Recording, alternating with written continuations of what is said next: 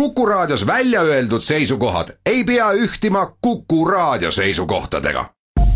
Te kuulate Kuku Raadiot. naised ei jäta.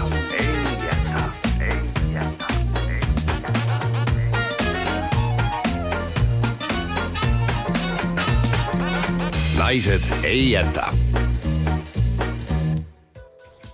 tere hommikust, meie vaatajad-kuulajad, naised on Soomes tagasi stuudios, nii et nüüd saab meid vaadata ja kuulata. ja käes on kaheksateistkümnes juuni, kell on saanud üheksa läbi üheksa minutit ja stuudios ongi Kristi ja Marit.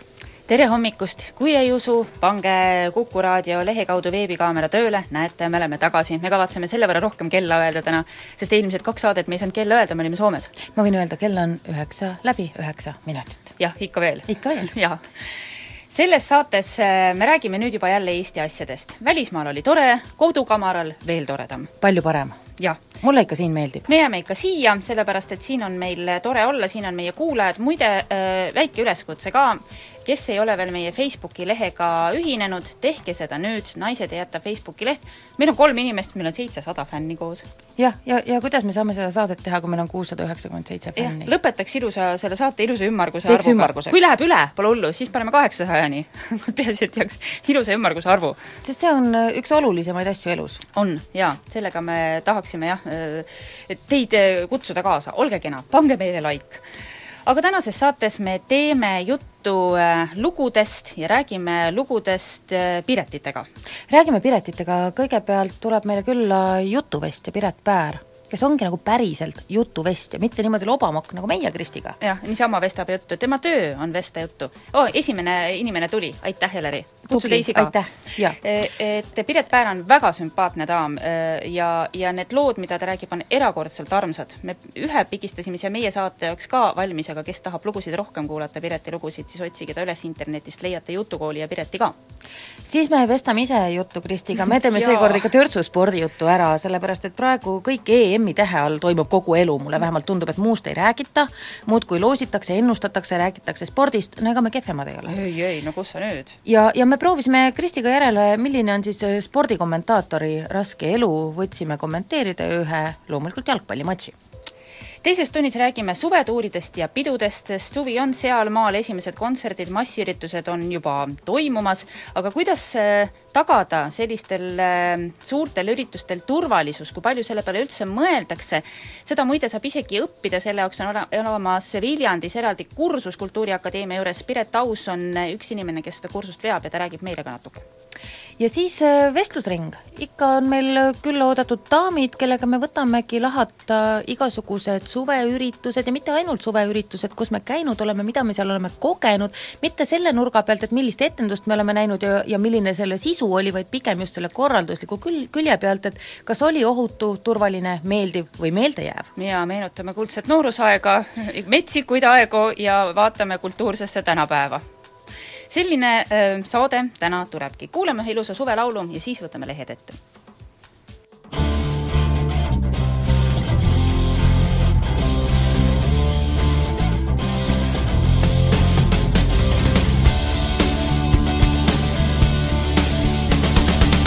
jah, elada võiks nagu tahaks ja muret ei peaks tundma millestki ja sinu tegusid ei panda saaks ja sõltuma ei peagi kellestki, vaba kui lind. Vaba kui lind, kui metsik hobune.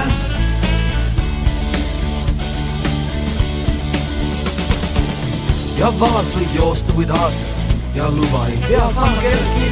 metsas, mäel ja jões oled vaba, kui suvi käes, sul on talvehind, vaba kui lind. kui metsik hobune, vaba kui lind, kui metsik hobune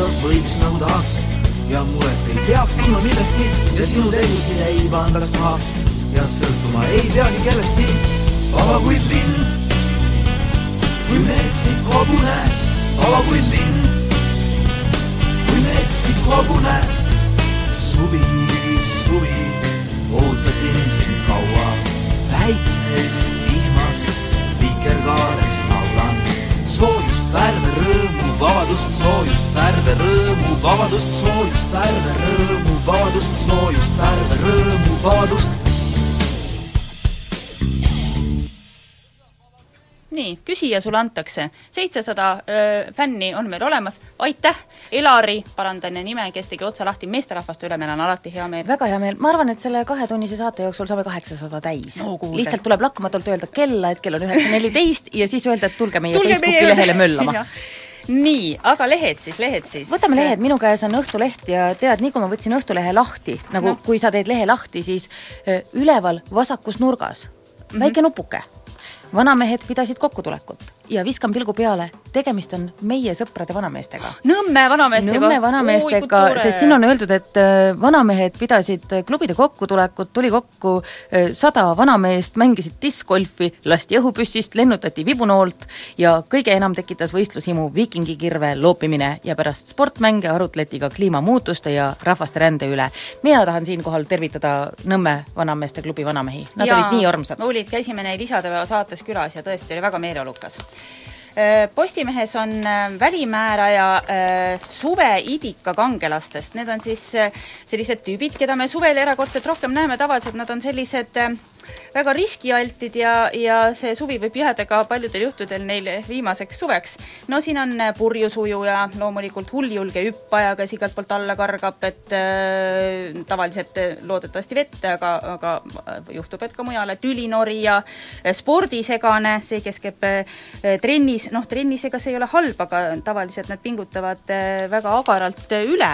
aga on ka näiteks raudteeromantik. Nii. raudteeromantiku kohta äh, kirjutatakse nii, et äh, rööpad, mis lõputu lindina kaugusse kulgevad, on ligitõmbav ja kaunis kujund, selles on liikumist, ajalugu ja adrenaliinihõngu ja pole ime, et see armunuid ligi meelitab. Ja ongi mure siis see, et äh, minnakse raudteerööpale kõndima, kallimaga käest kinni, mis on ju väga kena, tütarlapsel lilleberg, mehel kitarr üle õla, aga kuskilt võib ikkagi tulla rong. ja siis on raudteeromantikal väga kurb äh, lõpp ja üleskutse selle väikese nupu lõpus, et noh, et otsige mõni ohutu raudtee, ega neid ohutuid raudteid väga ei ole. meil siin maja taga või siin maja kõrval, kuhu me ootame jätkuvalt Maritiga oma isiklikku rongi, meil on üks raudtee, aga sealt siiski ikkagi aeg-ajalt rong sõidab. me tegelikult nägime ühe korra täitsa rongi siin tee peal, ma isegi üritasin aknast kärmelt pilti teha. aga ta läks äh, mööda. ta läks viuh mööda. tegelikult mina pean ennast küll raudteeromantikuks, sest et pärg mul on. Lillepärg mul on, raudtee on meil akna taga, me ootame rongi, aga me oleme nagu kuidagi teistpidi, et me ootame just nimelt seda rongi, et Jah. meil on nagu rongiromantika ja rohkem. meil on rongiromantika, aga see, kes tahab raudteel jalutada, me seda oma teed ainult siis, kui Marit turvab ühes otsas ja mina teises otsas ja te olete siinsamas Kuku maja juures, tulge jalutage, lepime kokku kellaaja, aga siis me oleme kogu aeg valvel ja nii, kui me saame aimu, et kuskilt tuleb, me kuuleme kõrv vastu maad, et rong on tulemas, me rebime teid sealt romantiliselt maha, et tegelikult on ka praegu väga hea juhus äh, Tallinnas viljeleda sellist just liibri romantikat, näiteks ma soovitan Paksust Margareetast Kopli pool mm, -hmm. sellepärast et äh, trammid ei käi. Mhm. Praegu on ju trammide remondi on aeg. trammide remondi aeg ja ma ise jaa. olen näinud, et mingites kohtades on trammiteed täiesti sootuks eemaldatud, nii et see oht, et sinna tramm tuleb, on väga väike seega võib, võib jalutada, et kui te lähete sinna trammitee peale, no ega see suurt vahet ei ole, kui on romantikaga tegemist, et kas see on nüüd tramm, rong, Jah, no raudtee on ju põhiline. põhiline raudtee, saab käia küll, jah. Aga, aga nende spordihullude koha pealt, et me- ma olen ka neid öö, kohanud, neid risk, riskialteid tegelasi mm. -hmm. minu lemmik mees oli see, kui ma sõitsin jalgrattaga mööda rattateed mm. -hmm. suhteliselt kiiresti, sest nägin, et rohkem rattaid ei ole kusagil ja, ja vunk oli sees ja siis ühtäkki väljus põõsast mees. Noh, tavaliselt niimoodi ikka sealt väljuvad sellised kahtlased mehed, see ei, see oli hoopis teistmoodi mees. See mees oli karkudega mees. karkudega mees väljus karkudega põõsast. mees väljus järsku nagu rattatee peal põõsast otse minu ratta ette ja ei olnud ta lihtsalt karkudega mees, vaid tal oli rihma otsas ka elavloomuline Rottweiler. said kiirema käigu? no ütleme nii, et äh, ma jäin ellu mm. -hmm. See oli väga huvitav, nii et, et ma paneks ta sinna kategooriasse. suvetüüpide kategooriasse. nüüd äh, reklaamipaus ja siis ajame juttu Jutuvest ja Piret Pääriga. naised ei jäta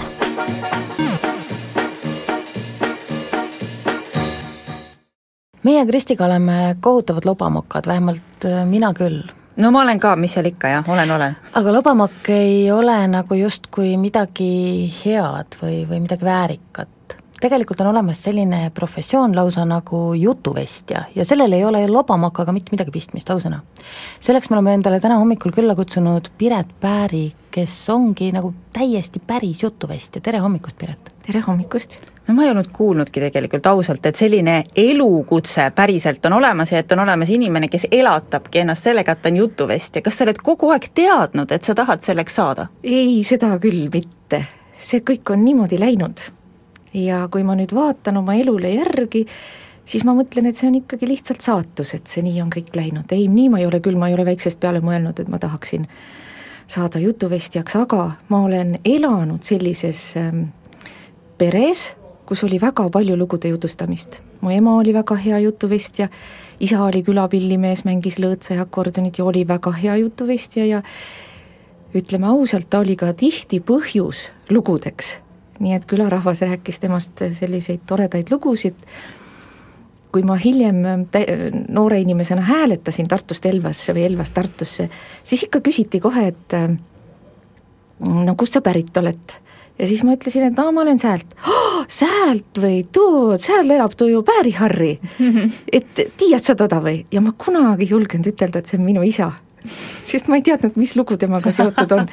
ja siis kõik rääkisid ära, mis lugusid nad teavad isast ja siis need olid ikka head lood tavaliselt ja enne, kui ma autost lahkusin, ütlesin, et nojah, aga ta on mu isa ju kah mm.. ja siis vennad rääkisid mul lugusid ja keegi nendest ei teadnud, et tegelikult nad sillutavad minu, minu elule teed. Kui sa oled juba kasvanud sellises perekonnas, kus väga palju räägiti lugusid, kas siis loogilise jätkuna läksid sa õppima midagi kirjanduse ja folklooriga seonduvat?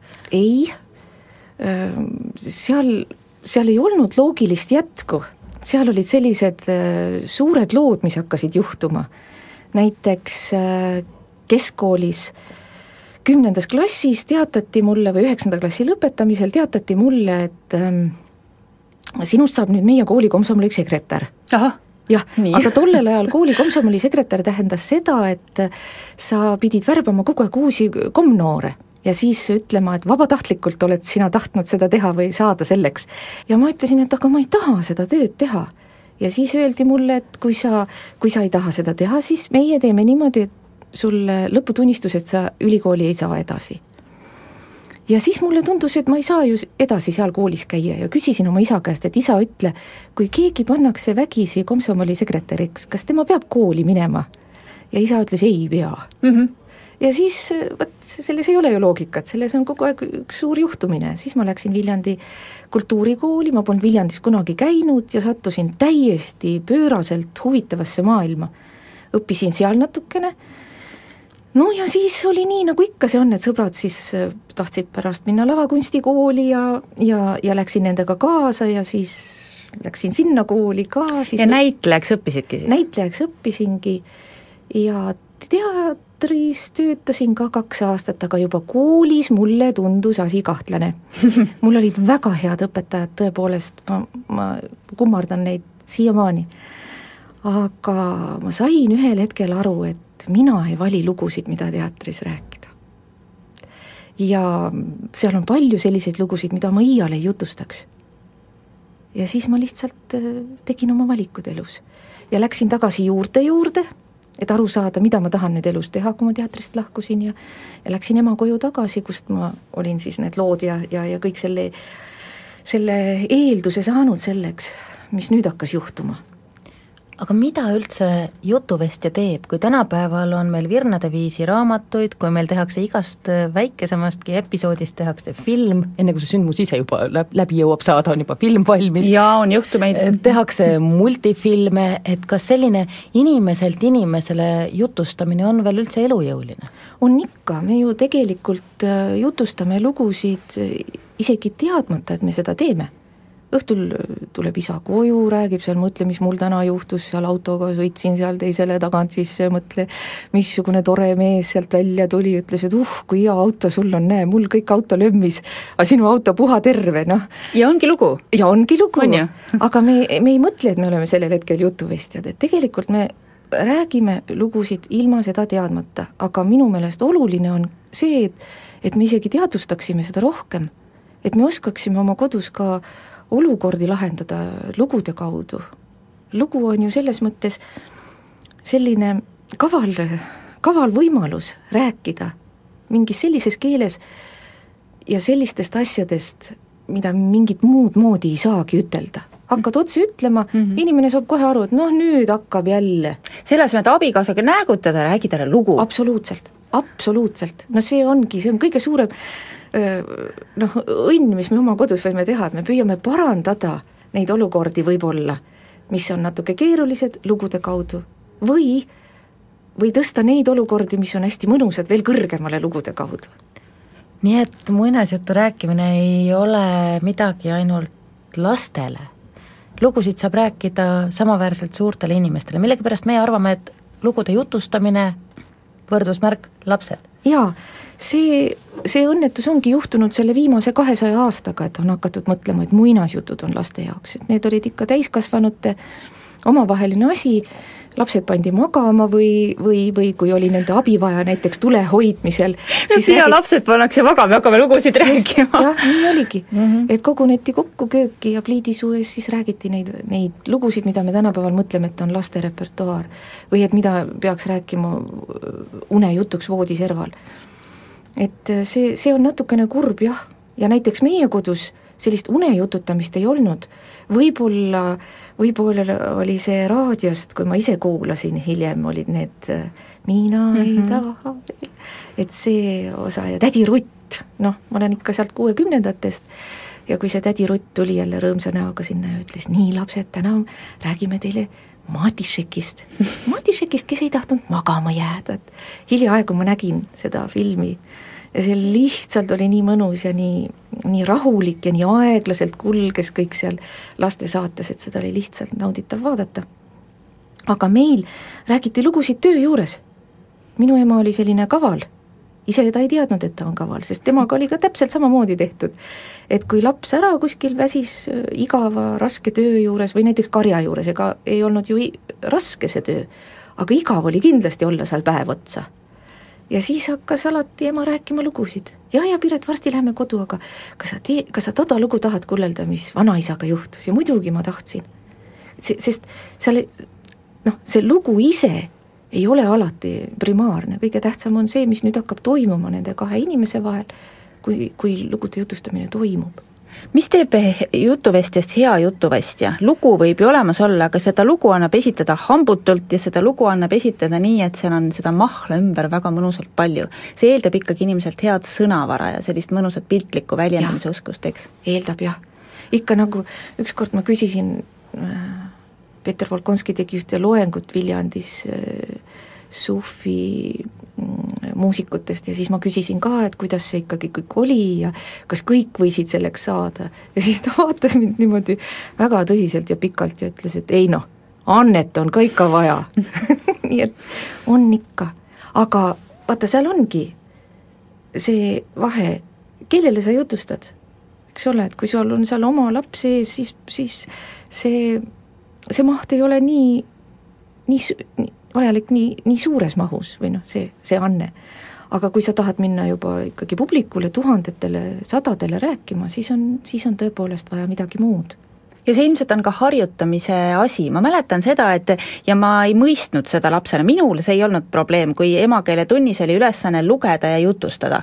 mulle piisas sellest, et ma lugesin ta läbi ja ma olin võimeline seda ümber jutustama, seda lugu, aga ma tean ikkagi kaasõpilasi, kes, kelle jaoks oli tohutu Hiina piin. läbi lugeda ja siis jutustada ümber, see tundus nagu pähe õppida, see ei olnud kerge neile. ja samas on ju olemas inimesi, kes on väga faktipõhised kes ei oskagi sinna tekstile mingit vahtu ja meeleolu juurde pritsida, sest oli lugu sündis, haigestus ja suri, mis ma siin ikka pikalt räägin. jaa, noh, ikka nagu Võrumaal öeldakse, inimesi on säänsid ja määnsid mm. -hmm. nii et aga mm, see hea jutuvestja, jah, see kõik, mis sa ütlesid, see on kõik seal õige ja on võimalik ennast rääkida, ma arvan küll, et on võimalik ennast rääkida heaks jutustajaks, muudkui räägid ja räägid ja räägid ja räägid ja ja mis kõige tähtsam, mitte, mitte ainult rääkimine, vaid kuulamine. et sa ka jälgid seda, mis siis juhtub, kui hea jutustaja räägib, kuidas ta jutustab? kuidas inimesed kuulavad, mis nende vahel toimub? et ka see jälgimise kaudu õppimine, et see on ka väga oluline. ja muidugi vot, mis puudutab seda lobisemist ja jutustamist, siis ka jutuvestjate maailmas öeldakse nii, et hea jutustaja peab olema võimeline kaks korda rohkem kuulama, kui ta välja räägib. ja veel ilus vanasõna on, et Jumal on meid nõnda loonud, et meil on üks suu ja kaks kõrva. ja me võiksime selles proportsioonis neid ka kasutada. väga hea soovitus kuidas sa, Piret, töötad, missugune on siis jutuvestja töö? sellega on nüüd niimoodi, et esiteks üks täpsustus on see, et ma olen ka veel Rahvakultuuri Keskuse juures suulise pärimuse spetsialist, nii et minu töö on selline pool ja pool mm, -hmm. et ma mhm. teen ka spetsialisti tööd, ma organiseerin kursusi, annan loenguid, praktikume juhendan, vean ühte festivali jutupühad. aga see on kõik seotud ikkagi? see on kõik seotud mm, -hmm. aga siis olen ka lugude jutustaja. ja nüüd mõnikord tõesti hommikul ma ärkan üles ja ja hakkan kohe organiseerima näiteks sellel aastal on Jutupühade festival tulemas, neliteist jutuvestjat maailmast tuleb kokku, nii et see tähendab ikka, et kell viis tulen üles ja kohe istun arvutisse ja püüan aru saada, mismoodi neid nüüd ära organiseerida, sest jutustaja on teadagi selline üldiselt üsna, üsna loominguline ja ta võib sulle maa, maad ja ilmad kokku lubada, aga näiteks nädal hiljem ta ütleb, et ei, ei, ma mõtlen nüüd hoopis teisiti. Nii et sellega peab hakkama saama aga nüüd, mis puudutab jutustaja tööd, siis see on tõepoolest nii, et ikkagi keegi leiab su üles, mulle meeldib see, see, see rohkem, et keegi leiab mind, kui et ise kogu aeg hõigata, et aa, ma olen siin, kuulake mind ja ma olen hästi tore. tõesti, keegi leiab su üles, ta kas kirjutab või helistab, et meil on niisugune asi, et kas te võiksite tulla. ja siis, kui ma saan, siis ma lähen.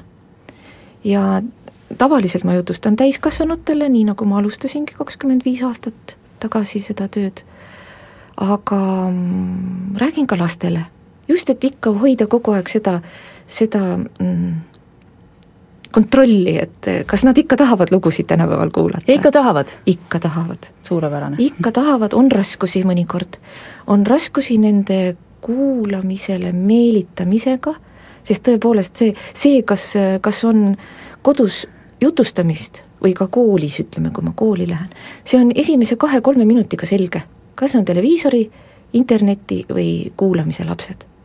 ja siis nende televiisori ja interneti lastega, nendega läheb siis tükk aega aega, kui sa, kui sa leiad selle õige viisi, kuidas nad enda peopessa saada selleks ajaks kokku ja anda neile see kogemus, et on veel midagi maailmas muud. kas siis emad-isad peaksid õppima uuesti oma lastele lugude rääkimist? jah kuidas seda saab õppida?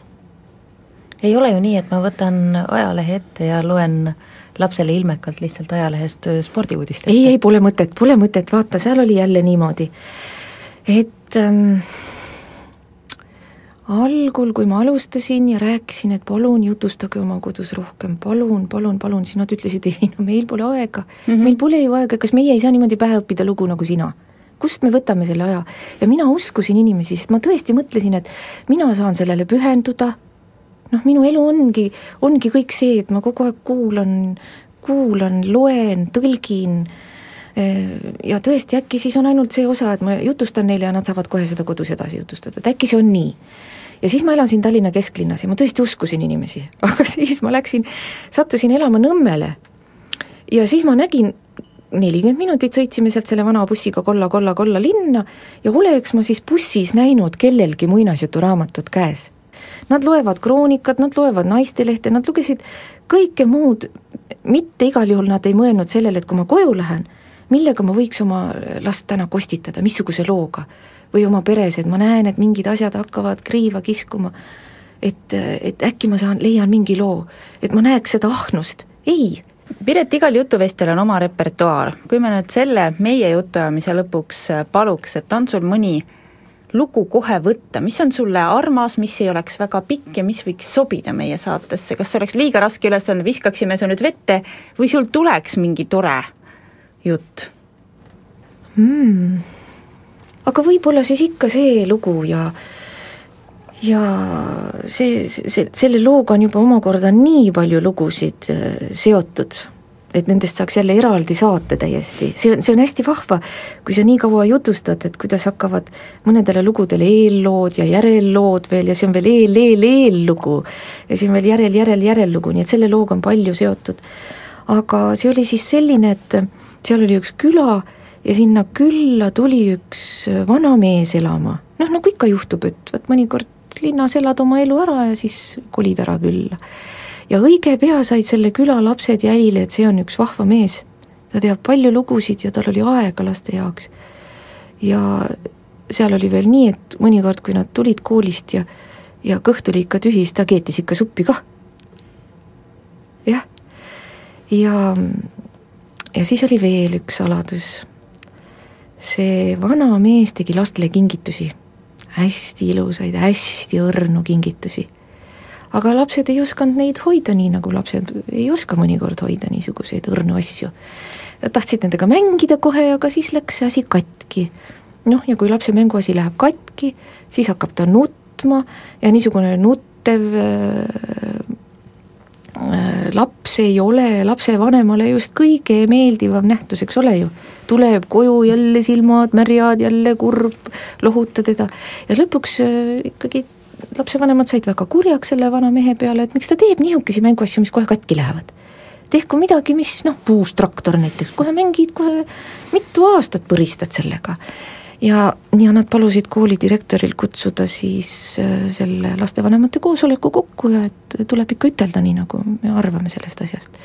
vanamees kuulas kõik need etteheited ära ja ja vabandas väga, ütles ma väga palun vabandust, ma väga palun vabandust. aga ma ma tõesti ei tahtnud midagi halba. mina mõtlesin niimoodi, et vaadake, ühel päeval kingib keegi teie lapsele oma südame. ja siis oleks ju hea, kui ta teaks, kuidas selle nii õrna ja hindamatu haardega niimoodi ringi käia, et see katki ei läheks. aitäh, Piret, mul läks silm märjaks. mul ka ma loodan, et ka raadiokuulajatel. suur tänu, Piret, meile külla tulemast! naised ei jäta.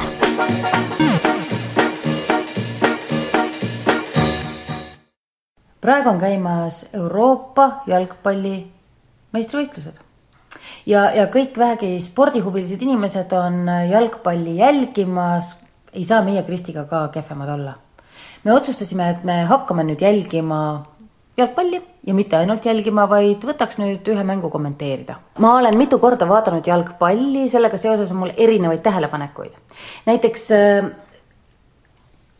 sellest võib-olla ikka üle kahekümne aasta möödas oli tegemist kas maleva või lastelaagriga, kus ma viibisin ja sattus hetk, kui mängisid vastastikku Saksamaa ja Inglismaa imelihtne, kõik need, kes õppisid koolis saksa keelt, olid Saksamaa poolt mm, -hmm. kes mhm. õppisid inglise keelt, olid Inglismaa poolt.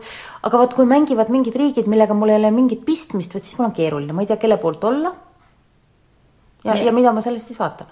jah, jah, aga tegelikult ma arvan, et eh, noh, ongi hea, et me kellegi poolt ei ole, siis me oleme väga objektiivsed kommenteerijad ka, siis me ei hakka sõimama kedagi. vot sõimamine on teine asi, et, et jalgpall, kui, kui kodus mul poisid-mehed vaatavad äh, sporti üldse mm, -hmm. see võib olla jalgpall, korvpall, siis see on natukene häiriv ja, ja ainult sellepärast, et ma istun samas äh, toas diivani peal, koon, loen, teen midagi muud siis see hetk, kui nad lihtsalt ilma ette hoiatamata kargavad diivani pealt püsti ja kukuvad röökima, see ehmatab. võib igalühel süda seisma jääda ju. ja, ja sellepärast ma ei ole nagu väga, väga spordilemb. just nimelt, sellepärast me vaatamegi jalgpalli Maritiga koos, kedagi ühtegi meest siin ei ole, me keerasime ka hääle maha, et me ei kuuleks, kuidas päris kommentaatorid karjuvad ja siis me püüame ise mängu vaadata ja siis samal ajal ka kommenteerida, et aru saada, kui raske töö see tegelikult ikka on.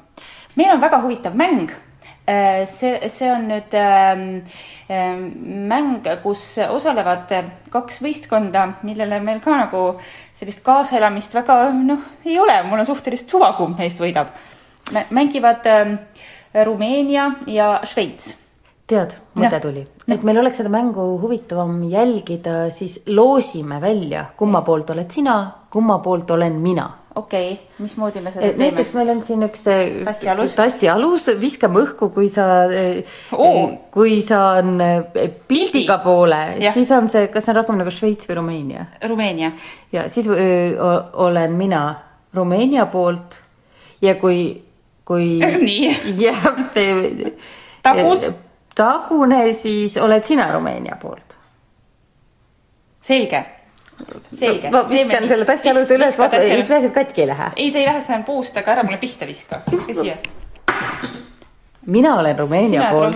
ma olen selle Šveitsi poolt, sina oled Šveitsi poolt, jaa. selge, väga põnev, väga, nüüd on küll põnev, ah, eks ole, hääl tõuseb. ma olen Rumeenia poolt, ma olen Rumeenia poolt. ma panen vaikselt juba selle mängu käima, et me vaatame Nii, seda. Äh, ekraanil on mehed, äh, äh, sapunaaru, ratt. ühe nimi on Ratt, noh kas nad on, kas kollased eh, või? kollased on sinu omad ehk Rumeenia. ratt on min, minu ratt mees. on sinu mees. nii, ja sinu mees. mehed on punased. punased mehed, vootu kui nunnud väiksed poisid, mulle see koht alati nii meeldib, kui nad tulevad lastega. väga ilus suur eh, muruväljak.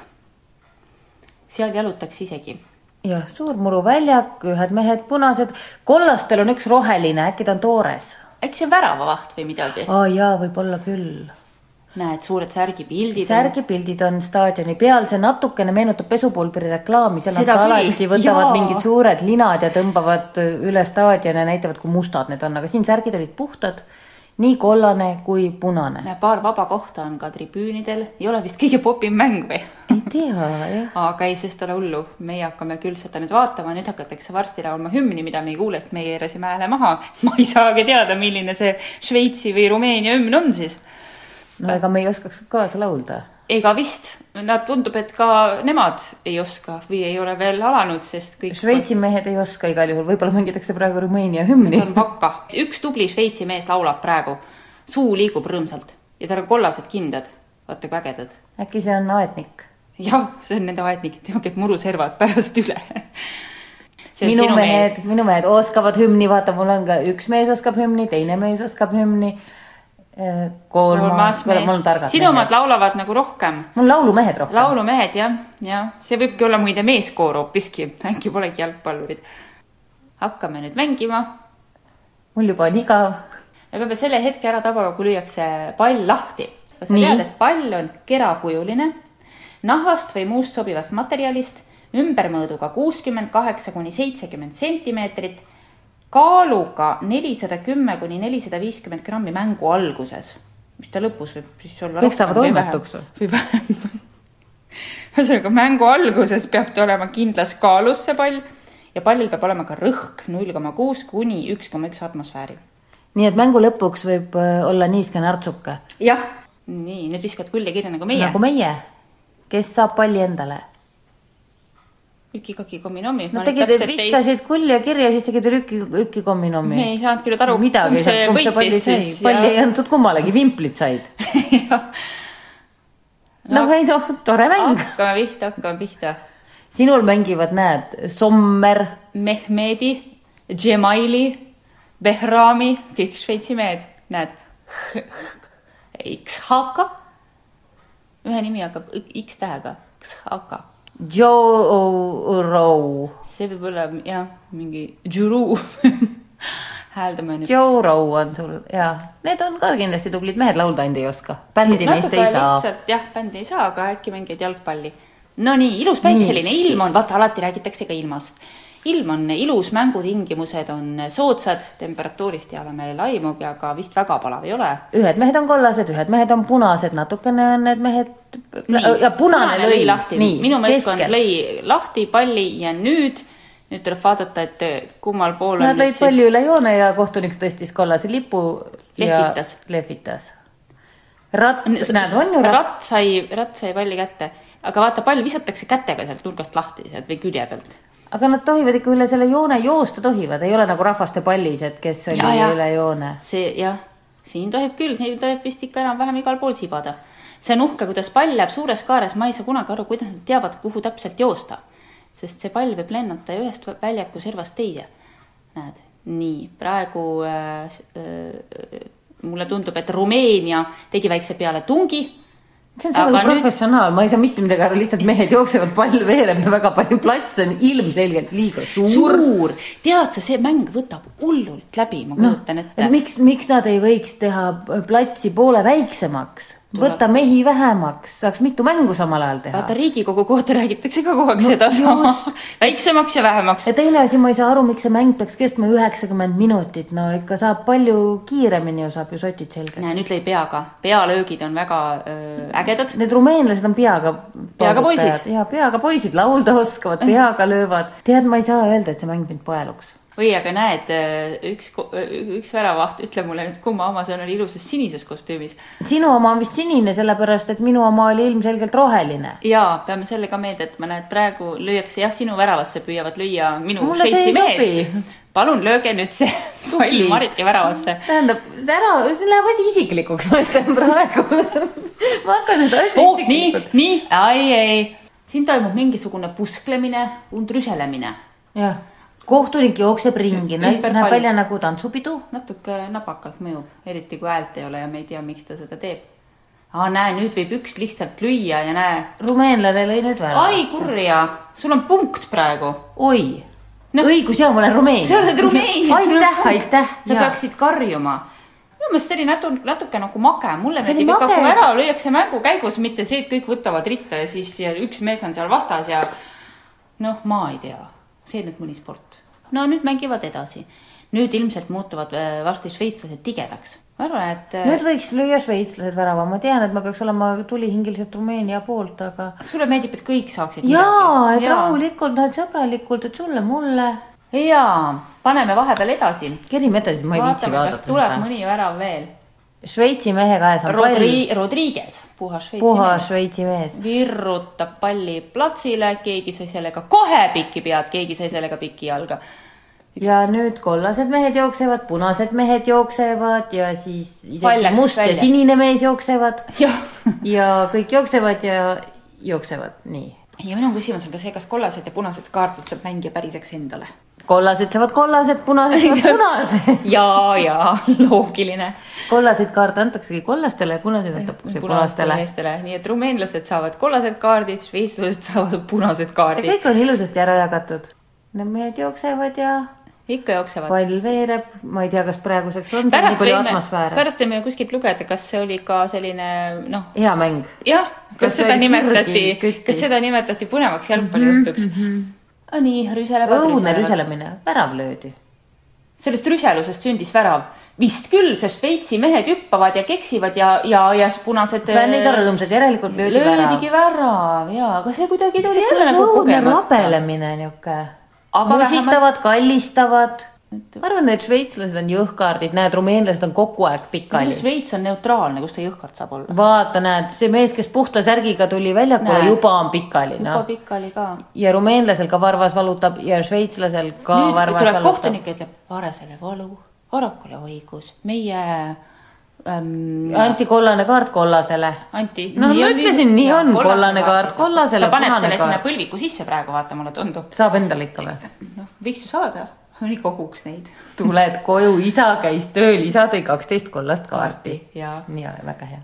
ja nad jooksevad ja pall veereb ja punased mehed jooksevad, kollased mehed jooksevad, kohtunikud aga väga jooksevad. kiiresti enam ei, ei joosta, käib minu meelest selline õhtune sörk. huvitav, kas on juhtunud, et pall jääb mängu all lõhki, kindlasti on ja kolleeg Timo Tarve ütleks siinkohal kindlasti ka, millal see juhtus, mis aastal ja kes kuuendal märtsil aastal kuuskümmend kaheksa, kui mängisid Nicaragua ja Tšehhi.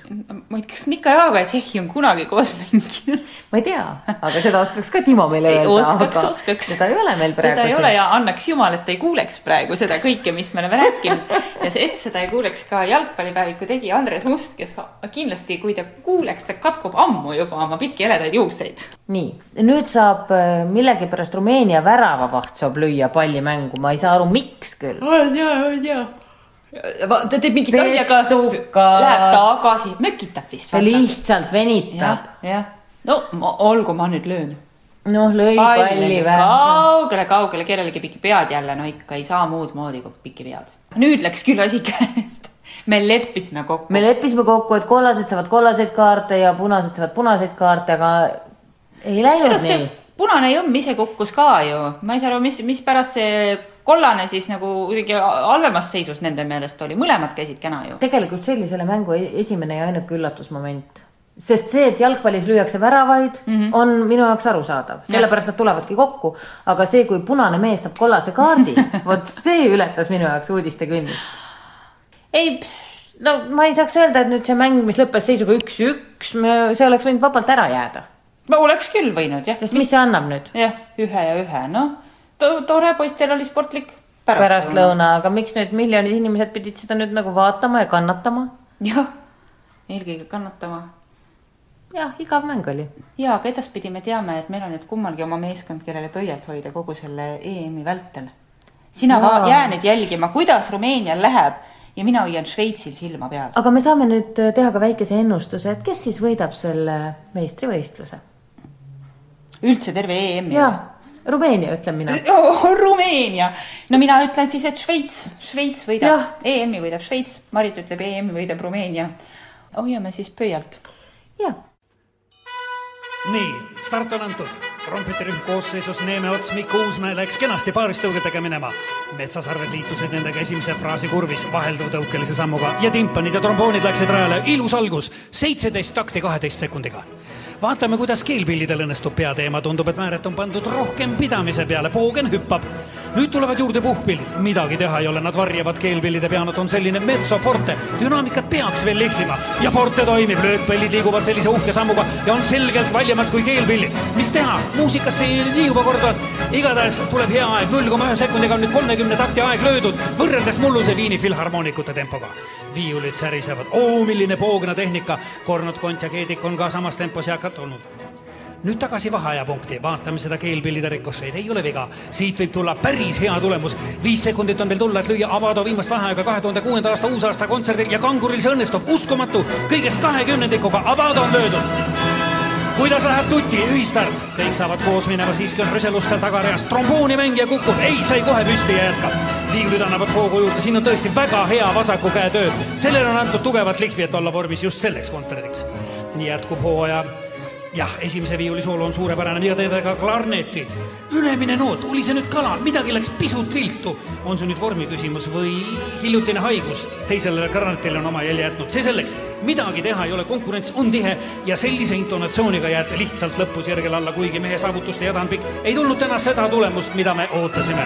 ja uskumatu, me oleme jälle Fortes tagasi, grupp on endiselt koos, keegi ei ole üritanud ära minna, see on fantastiline sõit, lausa uskumatult põnev palju on ju vaieldud, kas sama teemat peaks ikka kõik korraga mängima, aga see Rossini võte toimib, midagi teha ei ole, asi toimib, hoogu on, särtsu on ja vaatame aega. ainult pisut jääb üle-eestiline noorte sümfooniaorkester Ersole alla, aga midagi ei ole veel lõplikku, kõik on lahtine, teine pool võib tuua siin veel olulisi muutusi, kõik on veel võimalik. Viiulitel tempo püsib, ei ole siin mingit väsimuse märki, see on nagu Wilhelm Tell lahingustseenis. ei isa Anatoli, ei ema Rutt ei saanud omal ajal kätte sellist poognatehnikat, isegi linnud jäävad vait, kui kanguriorkester tuleb flöötidest jooksikud on kinni püüdud, grupp on neelanud alla ja tromboonid on kuulda nende soolod ja käärsammul lähevad nad nüüd tehvandi tõusust üles. millise energiaga, see on juba hoopis teisest klassist tulemus kui Liepaja orkestril. on tunda kulminatsiooni hõngu, kromaatilised käigud õnnestuvad, lõpp paistab, palju ei ole enam jäänud, tempo on tõusnud, aga seltskond on endiselt koos. igal juhul tuleb fantastiline aeg, kolmsada takti kahe minutiga seda on raske järgi teha. Ja see ülemine noot, no natuke jääb puudu, aga ikkagi on kõik veel lahtine, kes siis võidab selle sõidu? on need tromboonid või flöödid? Või panustame siin ikkagi viiulite traditsiooniliselt tugevale lõpule, peaasi, et dirigent nüüd ei eksiks pillide valikul. aga enne tuleb veel ära kuulata, kuidas õnnestub see ülemine laskuv käik keelpillidel. see õnnestub, mitte keegi ei väärata, ära ei kukkunud mitte keegi. Ja veel peateema, libisemine on suurepärane, kenasti tuleb markato, staccato toimib ja lõpusirge on käes, trompetid tulevad ees, uue käigu leiavad viiulid ja kes, kes on siis esimene, on jäänud vaid paarkümmend viimast takti, tšellod on mängust väljas, ka fagott, ei, hoopis timpanid liiguvad jõuliselt ettepoole, vioolad tulevad ka. Ja oboe. trompetid on ikka veel sammu võrra ees, tõeliselt põnevad viimased taktid, kohe jõuame lõpuakordini, kas häälestub, kas on vaja fotofinišit? ei, kõik on selge, timpanid on võitnud, uskumatu! Naised ei jäta.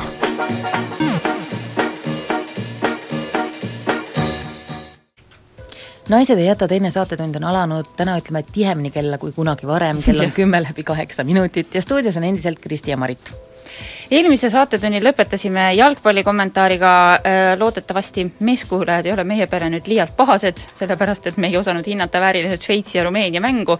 no ei, tegelikult kui aus olla, äh, niimoodi EM-i lõpupoole kindlasti ma vaatan rohkem, siis on mängud ju ka põnevamad ja tegelikult on jalgpalli väga huvitav vaadata inimesega, kes teab sellest ka midagi, siis, äh, siis on, ongi täitsa huvitav, et ei, ei maksa nüüd arvata, et me kuidagi põlglikult suhtume ei, mulle jalgpall väga meeldib. jah lausa nüüd juba, nüüd väga juba väga meeldib, meeldib., ma juba olen vahepeal jõudnud välja selgitada, mida tähendab suluseis. no no väga hea. see on veidi keeruline, ma pärast joonistan sulle, seletan rahulikult kolm korda, küll sa aru saad. no küll jah, jah, vast ka jah aitäh äh, aga rõõm on äh, teatada, et mehed meid kuulavad, isegi Soome mehed kuulavad meid, ütleme me uhkusega, sest meile kirjutas vahepeal Markin, kes kinnitab, et meid kuulatakse ka Soomes ja et seal sajab, meil ka sajab. meil sajab hästi. ja, ütleb veel, et me oleks mõnusad ja Kuku on maailma parim raadio ja kinnitab, et ta on meesterahvas. me oleme temaga nõus, me oleme temaga nõus. kõiges, kõiges oleme ja, nõus. ja, ja meie Facebooki laike on mhm. seitsesada kaks, nii et natukene veel pungestamist, kohe-kohe on kaheksasada täis minust tekib hasart, Eve tuli meiega, väga tubli Eve, kutsu kõik sõbrannad ka. meil on veel viiskümmend üks minutit aega saate lõpuni, et teeme ära selle kaheksasada, mis see on? teeme ära. Tunniga kaheksasada, see oleks ülikõva. selles tunnis me räägime äh, suveüritustest, no laiemalt küll massiüritustest, ega suvel need massid tavaliselt kokku saavadki, sest suvel saab õues teha massiüritusi. jah, sest klimaatilised tingimused meil soosivad millegipärast selliseid suviseid kokkutulemisi nagu pigem rohkem, ma vaatasin just lehti lugedes, et milline kokkusattumus, väga erinevaid jaanipäevi on järgmisel nädalal tulekul nagu igasugustes valdades ja kohtades kuulutusi mm -hmm. oli nagu ohtralt. et niisugune kokkusattumus. tõepoolest, aga toimub ju muudki, suured festivalid, kontserdid, järjest rohkem on õnneks ka Eestis hakatud mõtlema, kuidas väi-, viia neid läbi nii, et kõik sealt elusa ja tervi-, tervisega lahkuksid ja, ja saaksid ka hea emotsiooni. räägime sellest kohe daamiga, kelle nimi on Piret Aus. naised ei jäta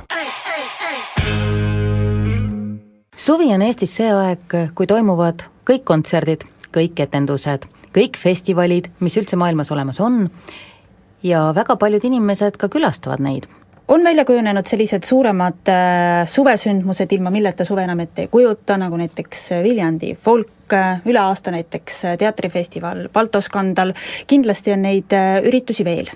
selleks, et äh, minna kohale suurde rahvamassi, kus võib juhtuda kõike, peaks tegelikult välja töötama mingisugused reeglid, kuidas suurüritust korraldada. kas need reeglid on olemas ja kas neid äh, täidetakse, sellest täna hommikul räägimegi. selleks me kutsusime endale külla väga targa daami, kes tuli Tartu Ülikooli Viljandi Kultuuriakadeemiast, kes on kultuurikorralduse lektor ja tema nimi on Piret Aus, tere hommikust! tere hommikust! No Viljandis lausa öö, õpetatakse nüüd, kuidas korraldada turvaliselt suveüritust. Või ütleme, mitte ainult suveüritust, aga massiüritust. Äh, jah, meil on nüüd sellest õppeaastast õppekavas äh, suursündmuste ohutus ja turvalisus, selline õppeaine. ja ajalugu läheb tagasi kolme aasta, kolme aasta tagusesse aega, kus äh, rootslaste eestvõttel pandi kokku rahvusvaheline töörühm, rootslased, soomlased, eestlased, ja töötati välja siis selline kolmetasemeline õppekava ja seda esimest taset me oleme praegu juba Eestis pilootprojektina teinud, on ka üks tudengirühm seda saanud ja me oleme valmis ka täiendusõppena seda koolitust pakkuma. sa ütlesid selle kursuse või mooduli pealkirjaks ohutus ja turvalisus, mis vahe on ohutusel ja turvalisusel? Äh, see on väga hea küsimus, et ähm, kui meil on kõige lihtsamalt öeldes palgatud turvamees meie festivalile näiteks väravasse piletikontrolli tegema, siis me ei saa eeldada, et meie üritus on ka ohutu, sest turvamees ei saa vastutada sellest ohutuse eest, kuna paigaldatud lavad, tribüünid, telgid, äh, sissepääsud, väljapääsud, kogu see atribuutika, mis ühe võib-olla suurkontserdi juurde käib, selle eest ei saa vastutada kindlasti mitte turvamees, turvafirma, vaid selle eest vastutab korraldaja ja see, kuidas korraldaja need asjad üles säeb või milliselt firmalt ta tellib näiteks tribüünide paigalduse, siis peab olema sada kakskümmend protsenti kindel, et need ka tribüünide paigaldajad on spetsialistid, mitte naabripoisid, kes tulevad ja panevad äh, nii-öelda keeravad, keeravad poldid kinni. Mina kardan küll, et üldjoontes see niimoodi kipubki olema, sest äh, noh, varasemalt ju ka toimusid mingid vabaõhuetendused, klopsiti lava kokku, isegi, isegi olen mänginud, kui kõikus mingi koht, sa sinna peale ei astunud lihtsalt. see, et seda kunagi juhtunud ei ole, ei tähenda, et seda ei juhtuks kunagi. ja ma ei ole paranoiline, aga ma tahaksin olla valmistunud ja mida põhjalikum on ettevalmistus ja kui sa oled need stsenaariumid läbi mõelnud ja need käitumisjuhised, kuidas ühe või teise juhtumi puhul nagu käituda, siis äh, seda, seda lihtsam on nii-öelda juhtumi ajal või juhtumi toimumise järel siis reageerida. No väga palju on uudistes, jookseb läbi maailmas toimunud igasuguseid koledaid õnnetusi, mis juhtuvad nimelt ööklubides, festivalidel, kontsertidel, jalgpalli mängudel, et äh, kas te siis oma pea sees mängite läbi kõik need võimalikud stsenaariumid ja, ja kuidas te üldse selle turvalisusega tegelete? koolitunnis on jah, meil ikkagi elust enesest võetud äh, maailma juhtumid mm, -hmm. mida me saame videodest vaadata ja mida on siis analüüsinud äh, Rootsi profid ja, ja me, me saame nagu sealt teha mingisugused järeldused, aga enne, kui me nende nii-öelda profide analüüse kuulame, katsume tudengitega töörühmades selgust saada, et mis juhtus, miks juhtus, kes millal midagi valesti tegi või hoopis tegemata jättis mida oleks saanud teha algusfaasis juba teisiti, et seda üldsegi juhtumit välistada. füüsikaseadused kehtivad ka kirikus, ütleme siis niimoodi, et kui kirikusse mahub kakssada inimest, siis sa ei saa sinna kaheksasada sisse lasta, selleks et noh, aga piletitulu ju tuleb. et sa pead olema väga ratsionaalse ja kaine mõtlemisega neid asju tehes, sa paned seitsmetuhandese ruutmeetrise telgi keset väljakut, siis sa ei saa eeldada, et sinna mahub sisse seitse tuhat inimest. sest kui sa seda esituspaika alles hakkad kujundama, siis sa pead teadma, kuhu tuleb lava, kuhu lähevad tualetid, kuhu läheb õllekraanid, kust inimene sisse tuleb ja kuidas ta välja pääseb. et need liikumisrajad ja teed ja pääseteed oleks kõik nagu valgustatud, märgistatud ja loogiliselt nagu paika pandud no mis veel, kui me võtame näiteks sellise suurürituse nagu Viljandi folk, mis seal kõike peaks siis vaatama, millised ohutus- ja turvalisusnõuded peavad äh, kehtima, ilmselt võib siin juurde võtta ka sellise rahva psühholoogilise sellise valmisoleku, et Viljandi folgil ilmselt väga agressiivne seltskond ei käi, eks ole, jalgpall oleks pisut teine rida. Mm. -hmm Jah, ma usun, et jalgpallifännid on vähe teisemast puust kui, kui folgi fännid ja kõik see kakskümmend neli aastat, mis mina olen selle korralduse juures olnud, ei ole ma küll ohutuse ja turvalisuse spetsialist olnud, aga viimasel viiel aastal olen ma tegelenud äh, kaubanduse ja toitlustusega, ja mul on ääretult hea meel, et näiteks äh, viimasel kahel aastal on väisanud meie toidualasid ka Päästeameti kontrollreid, kellele siis toitlustajad peavad ette näitama kõik oma tulekustutid, äh, tekid, pulbrid, et nad on nii-öelda valmis selleks, et kui kahituli lahvatab, et siis nad saavad selle kiirelt kustutada, siiamaani äh, käidi ikkagi lavasid kontrollimas, lavasid ja lavataguseid, et seal oleks kõik nii-öelda kustutusvahendid olemas. mul on jäänud äh, mulje, et väga paljud inimesed tõlgendavad selliseid norme ja piiranguid justkui kiusu. et, et kui, kui mahub ju veel neli inimest siia platsile, eriti kui on tegemist vabaõhukontserdiga, no miks nad ütlevad, et on välja müüdud, nad, nad lihtsalt ajavad kiusu, nad ei viitsi mulle seda piletit müüa, neil on juba raha kokku pandud ja ära viidud. või, või mingid sellised asjad, et kuidas sellega tegelikult on? No siinkohal tasub ikkagi korraldaja sõna uskuda ja sõna kuulata. et kui on öeldud, et sinna, noh võtame näiteks Kaevumägi Viljandi folgil kontserdipaigana, et sinna mahub neli tuhat inimest, siis see neli tuhat ka on, mitte neli tuhat kakssada ei saa panna.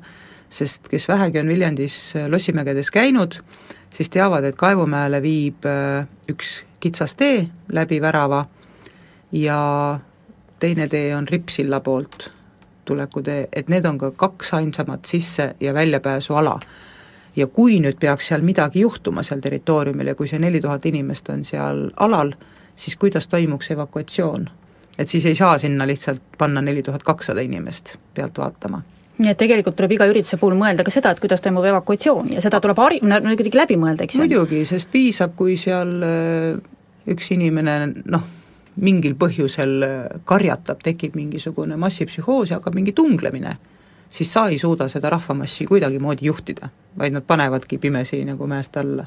aga selliseid asju ei saa ju eelnevalt ka läbi mängida, sa ei saa ju kutsuda sinna nelja tuhat inimest ja, ja öelda, et kuule, et mängime paanikat.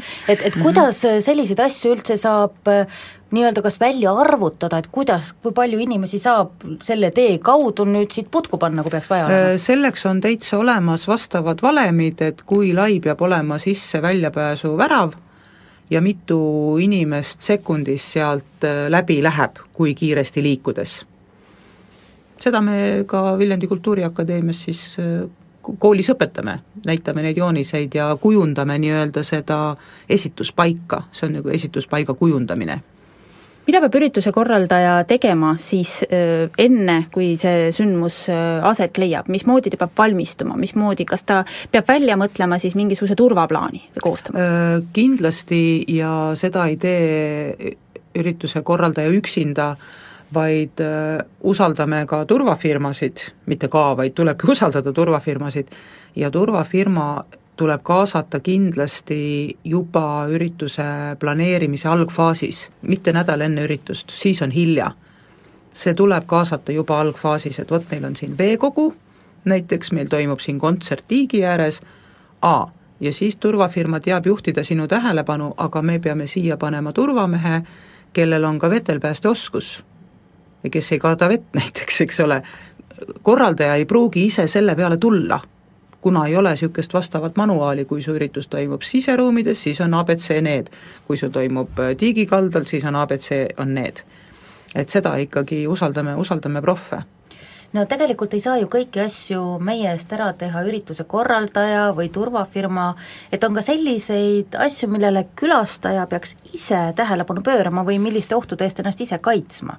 oskad sa näiteid tuua meile mm? -hmm no muidugi, kui näiteks on välja kuulutatud äh, päikesetõusukontsert äh, Soomaal, Hüpassaares seal, Rabas, Rabasaare peal, kuhu viib matkarada neli kilomeetrit laudteed. väga populaarsed kontserdid. väga populaarsed, sinna võib ka parimatel öödel kuni tuhat inimest kokku tulla, eks ole. seal on küll meditsiinitöötajad, Punase Risti töötajad paunakestega, olen, olen ise käinud, näinud, aga inimene, kes sinna öökontserdile nüüd läheb, no nii palju võiks nagu mõelda, et ta ei lähe sinna põlvpükstes ja tikkontsades näiteks. et ta paneb vastavalt rõivad, nii nagu matkale minnakse. et see ei ole nii-öelda akadeemiline kontsert, olukord, kus ma lähen Estonia saali ja, ja panengi endale uhked rõivad ja ja parimad kingad jalga ja lähen nii-öelda tõesti pidulikus rõivas kontserdile, vaid kui see toimub äh, Rabasaare peal soos, siis sa pead sinna vastavad rõivad selga panema ja võtma kaasa veel termosega tee, võtma kaasa ka magamiskoti, peno, sest ega kus sa seal siis istud see kolm tundi mätta peal, mätas märg, eks ole. et muidugi inimene peab ise mõtlema või kui see toimub kusagil kontsert kusagil tehasehoones, mis ei ole, mis on küll kontserdipaigaks kohandatud, aga seal on ikkagi mingisugused äh, võib-olla Äh, õlijäänukid kusagil, et see võib võib-olla mõnele tundlikumale inimesele astmahoogu tekitada või või kasutatakse pürotehnilisi vahendeid või seda peab korraldaja nüüd muidugi teavitama inimesi, aga inimene ise ka võib seda korraldaja käest küsida, et millistest nagu mis keskkonnas see toimub ja millistes tingimustes, millega ma peaksin arvestama. Piret, sa ütlesid, et äh, kolme aasta jooksul tegelikult on selle teemaga Eestis tasapisi hakatud äh, tegelema, sa oled kindlasti ringi käinud väga erinevatel äh, suve- ja, ja ka massiüritustel, lasteüritustel, kus on lastele palju atraktsioone, suurtel kontserditel, festivalidel, kas tasapisi Eesti jõuab järele Rootsile ka, mis on ju meile eeskujuks selles valdkonnas äh,? Ei, ei, ei, Eesti on väga lapsekingades. ma, kui ma vaatan, kuidas on äh, näiteks noh, nii-öelda siin nimetamata neid äh, kohti, paiku, vaid juhtumeid konkreetselt tuues, kuidas on elektriühendused tehtud erinevatel toidualadel äh,, kuidas on äh, kilbid äh, katteta, kuidas on need kontoripikendused, mis teilgi siin laua peal on mm, -hmm. neid tegelikult ei tohiks äh, kasutada ju välitingimustes vihmaga. Need tuleb kinnitada laua alla tagurpidi, sest kui veekeedukann läheb ümber ja sul vesi läheb sinna pikendusjuhtmesse, siis mis, mis juhtub, on ju, vesi juhib ju elektrit, eks et et eestlased on, võiksid olla tunduvalt rohkem juhtida tähelepanu kogu sellele kontserdipaiga või etenduspaiga ülesehitusele, et seal oleks ohutu ja turvaline. olen läinud ise ka ligi, näen, et äh, üritusel tuli vihmahoog ja ühe toitlustaja pikendusjuhe oli kusagil niimoodi selle kaubaauto all, aga vesi nagu sirises sinna peale. noh, mis veel tehakse, need rullid, kaablid, mis on, need rullid tuleb ju lahti kerida. Sa ei tohi ühendada e, elektrit sellesse pooli peal, need rullid mm, -hmm. sa mhm. pead nad lahti tõmbama, eks ole. et ei tohi ei tohi suhtuda sellesse niimoodi, ah, mis siis ikka juhtub või et, aga ma arvan, et väga palju tehakse teadmatusest, väga palju teadmatusest lihtsalt. igal juhul äh, väga hea, et äh, lisaks sellele, et juhtub õnnetus ja me õpime sellest, on võimalik õppida nüüd ka Viljandi Kultuuriakadeemia vahendusel ohutu ürituse korraldamist, sest et lisaks sellele, et äh, kultuurikorraldus üliõpilastele on see kohustuslik õppeaine, te olete valmis õpetama ka kõiki ürituse korraldajaid äh, jaa, me oleme täiendusõppeprogrammi välja töötanud ja on juba mõningased tellimused, et ei pea toimuma Viljandis see koolitus, vaid me läheme ka kohtadele. Elas metsas muti onu, keset kuuski noori vaanu. kaadak põõsa juure all, elu rundal sügaval, kaadak põõsa juure all, elu rundal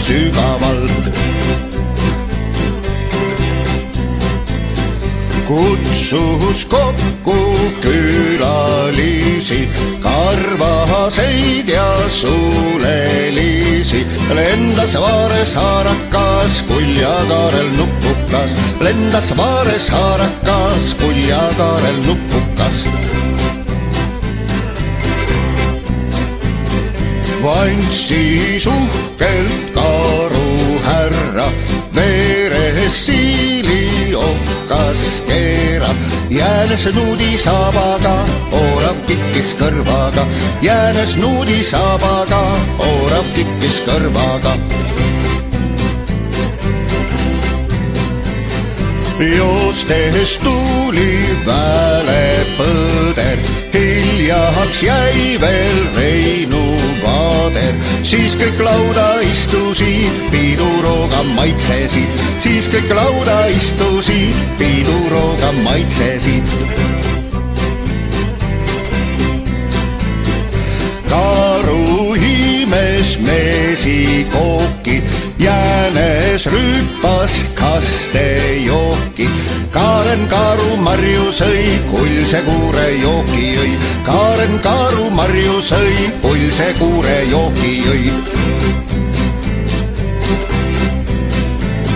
õder limpsis samblasuppi, orav nääris käbijuppi see oli päisepäeva all, pilla-palla pillerkaar. see oli päisepäeva all, pilla-palla pillerkaar. see oli päisepäeva all, pilla-palla pillerkaar. see oli päisepäeva all, pilla-palla pillerkaar. naised ei jäta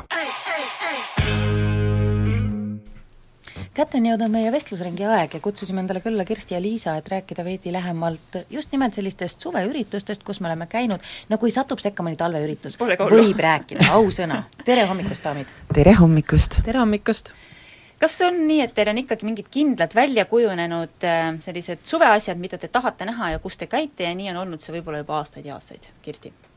Minul on küll, äh, ma kunagi juhtisin vist esimest õllesummerit, siis kui Õllesummer alustas ja ja äh, mul on sellest jäänud nii positiivsed äh, mälestused ja nii positiivsed kogemused, et et äh, see on festival küll, kus ma käin ja ma ei viitsi isegi vaielda ühegi selle inimesega, kes hakkab ajama jälle oma seda õllejuttu. mina ei ole elus õlut joonud, mitte kunagi, ma, ma sa käid õllesummeril õlut ei joo? jaa mm, -hmm. jaa, aga ma käin seal seetõttu, et ähm, ma saan seal ülevaate kogu Eesti muusikast, hetkeseisust, eks ju, ja peale selle on see selline festival, kuhu tuuakse artistid, kes ei ole mitte meie minevikust, kes ei ole jalgele turgutatud süstiga, ma ei, ma ei pea, ma ei lähe sinna vaatama Ehm, mingeid ehm, neid rokkstaare, keda ma oleks tahtnud kunagi näha võib-olla kolmkümmend aastat tagasi. et äh, ma käin seal vaatamas neid äh, artiste, kes on ka tänapäeval populaarsed, nad tuuakse mulle koju kätte ja seda täiesti olematu raha eest. ja laulavad otse? ja laulavad otse. aga miks sa käid neid äh, seal festivalidel vaatamas, kui tänapäeval on võimalik muusikat kuulata noh, igalt poolt, kaasa arvatud oma telefon, et kas siis, mi-, mis on see ekstra, mida sa sealt ürituselt saad, mida sa otsima lähed? ma lähen vaatama laivi, laiv on hoopis hoopis teine asi kui see, ma ei ole väga suur telefonis muusika kuulaja, mul ei olegi telefonis muusikat, et kui ma kuulan, siis ma kuulan raadiot, aga või ma ostan plaate, ma kuulun nende inimeste hulka, kes ostavad siiski plaate, ma ei, ma ei osta netist muusikat. et ähm, aga, aga ma käin vaatamas laive, see on hoopis teine asi. Liisa, kuidas sinuga? jaa, ei minul on ka ikka iga-aastased äh, suvised festivalid, mida ma külastan, et kui ma siin kolm aastat tagasi esimest korda Viru folgil näiteks käisin, siis äh,, siis see jättis mulle nii sügava mulje, et ma olen otsustanud, et ikkagi iga aasta peaks seal käima ära. ja ma pigem otsin ka, kuna ma elan ise Tallinnas, siis ma otsin pigem kohti, mis on väljaspool Tallinnat, kuskil sellistes huvitavates looduskaunites kohtades, kus sa saad ennast lihtsalt nagu välja lülitada ja ainult äh, kuulata muusikat, nautida keskkonda, inimesi ja sealhulgas noh, näiteks ka Viljandi folk kindlasti Viru folgi kohta ju räägitaksegi seda, et see on noh, Käsmu on ju pisikene koht mm, -hmm. et äh, iga aastaga muutub ta populaarsemaks, populaarsemat rahvast tuleb järjest rohkem ja seal juba tekivadki need asjad, et inimesi lihtsalt ei mahu ja see festival hakkab kannatama, kas sa oled seda täheldanud ka? ei, ma ei ole seda kannatanud, rahvast oleks seal nagu nii palju olnud, et kohalikud on... vist kannatavad rohkem äkki või? kohalikud sõidavad ära tavaliselt Aa, selleks ajaks või siis need, kes majutavad seal, siis need ikka on olemas, aga seal on nii palju lavasid, mis on erinevates kohtades ja hästi laiali selle pika ala peale mm -hmm. jaotatud, nii et see rahvas väga hästi jaotub seal laiali, et mõnikord, kui on jah, pealaval mingisugune selline bänd, kes toob ikka lava ette väga-väga-väga palju inimesi, siis on natukene võib-olla ebamugav, aga selles mõttes, et keegi pikali ei kuku ega vetsus pikkasid järjekordasid ei ole, nii et aga kui te lähete mõnele kontserdile, kus te, või festivalile, kus te varem ei ole käinud, siis eelnevast intervjuust äh, Piret Aus toonitas seda, et äh, see külastaja võiks ise ka natukene huvi tunda, millega on tegu, kuhu ta läheb, kas teie tegelikult lähete siis selle sündmuse kodulehele, vaatate, et millistes tingimustes on see kontsert, kuidas toitlustatakse või lihtsalt lendate külmalt peale, küll kuidagi hakkama saab?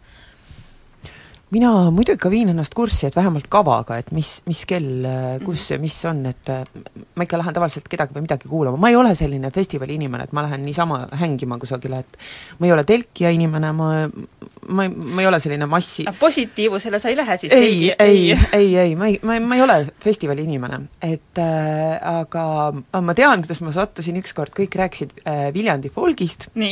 Ja, ja kuhu ma sõitsin või ma vist pidin minema, ma ütlesin vanaisa hauale karksin uia või kuhugi nii, et ma mõtlesin, okei okay,, ma käin seal Viljandi folgil siis ka ära, lapsed olid kaasas. ja lihtsalt see tuli nagu tee peal selline mõte, on ju, et me läheme Viljandi folgile. ja ma ei teadnud mitte midagi selle ürituse kohta, on ju, läksime sinna, oli päev, tohutult oli rahvast ja ma ei leidnud mitte ühte esinejat üles ma ei teadnud, kus need esinejad seal on või, või kus see toimub või mis asi. me jalutasime mingi hirmsa maa-ala läbi, sõime väga kallist sööki, eh, jäätist ja siis põhimõtteliselt sõitsime edasi, sellepärast et ma ei näinudki mitte ühtegi esinejat, et ma lihtsalt ei saanud aru. ja siis ma sain äh, teada, et i-inimene ennast kurssi ära mine suvaliselt kusagile, kusagile lihtsalt äh, üritusele, et aga jah, et äh, ei, ma ei ole jah, tegelikult selline festivali inimene. rohkem sa folgile pole sattunud? ei ole jah no., see oli üle-eelmine aasta minu arust, kui ma seal käisin mina seest olen küll suur festivali inimene, et äh, tavaliselt ma ikka kodulehele jõuan enne festivali, aga see võib-olla on ka kaks-kolm päeva enne, et see oleneb ka täiesti kohast, et aga eelmine aasta konkreetselt ma sõitsin Schillingule niimoodi, et äh, ma läksin bussijaama, vaatasin esimese bussi, mis sinna läheb ja istusin peale ja läksin. ja kohale jõudes ma ei äh, ei olnud üldse kursis sellega, kuhu ma minema pean või mis, millega tegu on, aga kuna tegemist on väikse linnaga, siis ma jätsin, järgisin massile ja võtsin selle kavaraamatu ja kavaraamatus on tavaliselt kõik väga hästi kirjas, mida mm, -hmm. kus midagi on, kus sa midagi saad ja nii edasi, nii et siis ma suutsin ennast ilusti kümne minutiga kurssi viia ja nautida festivali no kui me nüüd mõtlemegi festivalidele, kontsertidele praegu ja no Kirsti, sinuga saame meenutada ka seda, mis oli, ütleme siin kakskümmend aastat tagasi, no kui suur see vahe on? ma arvan, et äh, noh, vahe on kindlasti korralduses, eks ju, et tänapäeval tehakse asju teistmoodi, aga aga võib-olla see kunagi, see festivalide õhin oli, oli suurem, et võtta näiteks Beach Party mm, -hmm. mida alati ka vanajumal ilmaga õnnistas ja ja, ja no see oli selline must be üritus, see, kuidas need voorud, autode voorud, ma olen juhtinud seda, seda festivali ja ja olnud seal seetõttu ka kohal niimoodi, et kõik need päevad ja hästi jälginud seda kõike ja ja eh, kui siit Tallinnast hakkas autode voor minema, siis sul ei olnud võimalik mööda sõita, sest see oli nagu pulmarong, mis mm -hmm. läks, et äh, tee ääres oli massiliselt inimesi, inimesed, ma ei tea, grillisid ja ja mis, mis nagu toimus tee ääres hääletajate puhul ja ja see oli nagu noh, see oli ikka, ikka oli nagu oli teada, et on, toimub selline üritus, sellepärast et et seda oli nagu igal pool tunda üle Eesti aga võib-olla praegu on Viljandi folgiga näiteks täpselt samamoodi, ma ju ei tea, vaata, sellepärast et, et ma et ma ei käi enam, et eks ma varasematel aegadel, vot kunagi võib-olla ka, ma käisin rohkem ikkagi nagu töö tõttu nendel üritustel, et ma salvestasin seal või siis ma juhtisin neid üritusi, et, et ma tegelikult võib-olla ei näinud mitte seda melu, mis seal muidu festivalil toimus, vaid mina nägin nagu seda telgitaguseid pooli lihtsalt, et mina, mina olin seal nagu teise eesmärgiga. aga festivalid, ütleme, meelelahutus inimestele endile on nagu kindlasti kõige ägedamad just seetõttu, et need on need kokkusaamise kohad. ja kus sa näed inimesi, keda sa võib-olla pole muidu kunagi elus näinud, või siis äh, need, kellega sul lihtsalt ei ole aega muidu kohtuda, et, et ma arvan, et nad on tegelikult tänuväärsed asjad no sellise tavakülastajana mina näen küll väga suurt erinevust igasugustel festivalidel, olen samamoodi käinud tervelt ühe korra folgil ja olen käinud ka väga varastel äh, rokksummeritel. ja no minagi. kümnendatel olid ka väga, väga esimesed rokksummeri mina olen käinud kõikidel rokksummeritel, välja arvatud see nüüd viimane. jah, no vot, äh, erinevus on, on ikka väga suur, sellepärast et äh, üheksakümnendate väga alguses, ma ei tea, kas saabki kõva häälega rääkida, äkki lapsed kuulevad, oli turvamees sinu peamine vaenlane turvamees Sigutik tahtis kindlasti, et sa ostaks pileti, ja ma ei, ma ei tea, noh. püüdsime seda püüdsime mitte seda teha. mitte teha, turvamees või Jõhkard vaatas kõikidele kotti, et ega sa ometigi oma alkoholi ei taha platsile viia, sest sees ikka maksis see naps väga palju. aga oi, inimesed olid kavalad. inimesed olid väga kavalad, inimesed tegid igasuguseid vigureid, et minul olid ühed sõbrad, kellel oli kaasas alati jalutuskepp ja ma ei saanud aru, miks nad lohistavad seda jalutuskeppi, keegi ei olnud isegi mitte, ei longanud. ja siis selgus, et sellel kepil käis käepide pealt ära ja see oli lihtsalt, oli viina täis ja siis siis nad sealt rüüpasid, väga piinlik, ma seda ei rääkinud, ups aga jah, et, et just seesama, see alkoholi ja turvalisuse pool, et sa ju nägid neid telgitaguseid ka, asi vahel käest ära ei läinud siis või? telgi taga. telgi taga ei läinud, jah? Läks ikka. Telgi taga läkski käest aga, aga see turvalisuse ohuks kunagi ei olnud. et kas sa pead seda muidu õigeks, et noh, et reeglid on läinud ju karmimaks, ikka peame ju, meile meeldib mõelda nii, et oli, mis me omal ajal tegime, ma ise mõtlen ka, kas oli hea mõte viieteistaastaselt tulla Rakverest mitmeks päevaks Rock Summerisse, mõtlen nüüd huviga, et ei olnud ju mobiiltelefoni, eks mu ema huvitav muretses ka noh, eks ta vist, vist ikka loogiliselt ise võttes, ema olles ma arvan, et aga praegu jah. ma ei ole kindel, kas ma teise linna viieteistkümneaastase lubaksin niiviisi. ei lubaks. no on ju noh. ei lubaks muidugi. aga miks, miks siis lubati? vaata, võib-olla siis oli see, et äh, oli äh, kõike seda muud jama äh, ka palju vähem ja inimesed kuidagi tollel ajal, kui see Ehm, kui see selline vabadus meile saabus, siis äh, inimesed hoidsid hästi palju kokku ja sellist kuritegevust ja äh, seda ei olnud, võib-olla me lihtsalt nüüd oleme rohkem nagu teadlikud kõigest sellest, eks ju, igasugustest pedofiilidest ja igasugu-, et sellest, et hääletada ei tohi, tollel ajal sellest Normaalne, ei räägitud, on ju. ainult hääletades ja, saigi ja see paljas mees ei sõitnud siis äh, Tallinn-Tartu vahet, eks ju. et no nüüd nagu on elu läinud kuidagi hullemaks või inimesed on läinud võib-olla, inimesed on ära hirmutatud, ma arvan. Liisa, kas sina kardad käia festivalidel, vot sina oled täpselt see, see, see generatsioon, keda meie hoiatame, et ei, seda ei tohi teha, seda ja. ei tohi teha, nii ei tohi teha ja seda ei tohi olid sul reeglid, jah, ja reeglid ka, ema ütles, et nii, kui sa nüüd lähed, jaa, ei ikka olid, selles mõttes, et mu ema luges alati sõnad peale, et noh, et ole ikkagi äh,, hoia oma asju enda lähedal ja ära midagi ära kaota ja eks mul on olnud ka juhtumeid, kui midagi ikka on ära varastatud ka seal äh, festivalide ajal, aga üldiselt ma nagu üritan alati käia nagu selg sirge ja hästi enesekindel olla ja siis äh, minuga nagu väga palju halbasid asju festivalidel juhtunud ei ole siiani. et äh,, et selles mõttes mul konkreetseid näiteid ei ole tuua. aga kas jaburaid asju on juhtunud?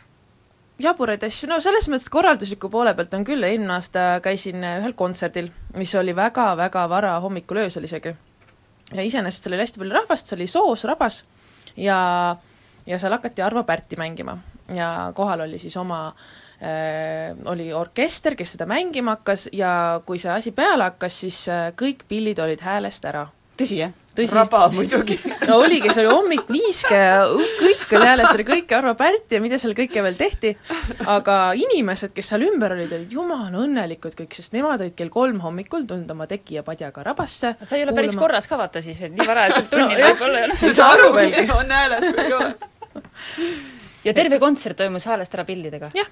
Asserraa. niimoodi nelikümmend viis minutit. ja mitte keegi pärast ei protestinud, et kuulge, mis toimub? ma arvan, et kõik said isegi aru, et pillid olid häälest ära.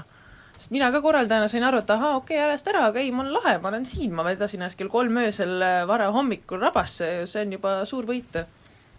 no Kirsti Jaa. meenuta midagi, mis on sinuga juhtunud? no ilmselt neid lugusid on muidugi palju. ahhaa, issand ehm, minuga nagu ei olegi mingeid selliseid väga jaburaid lugusid juhtunud ehm, no vot see ongi see, et ma tegin tööd, ma ei joonud alkoholi, et äh, mul ei juhtunud äh, selliseid mingeid totakaid asju, võib-olla, võib-olla aa, võib-olla ainult see, et ma siis, kui oligi Pühajärve Beach Party, mina koos Mihkel Rauaga seda juhtisime ja ma olin enne just raadios ja ma ei saanud kuidagi raadiost ära, nii et mul oli äh, päris kiire sõit sinna, et jõuda Pühajärvele õigeks ajaks kohale ja eh, see on ainuke kord elus, kus ma olen peale võtnud hääletaja Hmm. ja mõtlesin, et ah, mul on aega selle sõidu ajal nagu mõelda kõige selle peale ja nende artistide peale, kes seal on ja ja, ja vaatan lennujaama juures hääletaja tüdruk, no näha selline maatüdruk, et mõtlesin, võtan peale. et selline viisakas ja korralik, vaevalt et see mul midagi ära varastab, võtsingi peale tüdruku ja tüdruk istus autosse ja sinna see minu kõikide artistide mõtlemine jäigi.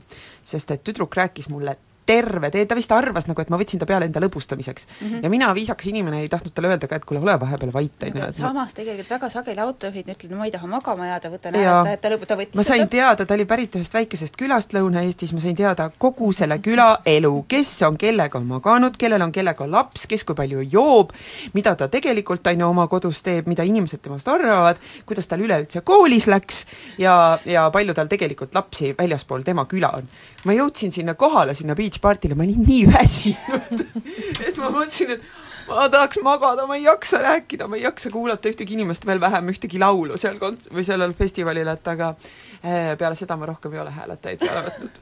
Selline kogemus ai, siis. aga kas te kunagi olete suurüritusel enda turvalisuse pärast ka tundnud muret või hirmu, sest eh, maailmas ju juhtub igasuguseid hirmsaid asju, on ööklubid lähevad põlema, on jalgpallistaadionitel muljutakse inimesi lapikuks, et kõik sellised asjad, kas te olete vahel tajunud festivalil või kontserdil mingit sellist ohutunnet? vot mul see on olnud küll, mul tuli praegu just meelde, et kunagi oli klubis Hollywood mingisugune, ma ei mäleta, kes isegi, miks, mis, mingil hämaral põhjusel oli see tohutult eh, populaarne õhtu, seal eh, uste ees oli hull mass ja, ja turvamees kuidagi neid inimesi siis tõmbas sealt väiksest pra-, praost, uksepraost, mis oli sel hetkel, tundus nii väike, ja ma kuidagi sattusin nii, et mul oli see ukse see Post. post oli täpselt siin ribide vahel ja ma olin surutud niimoodi sinna vastu ust ja siis, siis ma kuidagi sellele turvamehele ka näitasin, et no nüüd tuleb küll midagi täiesti, järgmine hetk on see, et see klaas koos minuga lendab sealt läbi ja siis ta kuidagimoodi tõmbas ja aga me olime, see, see mass oli nii tihedalt koos,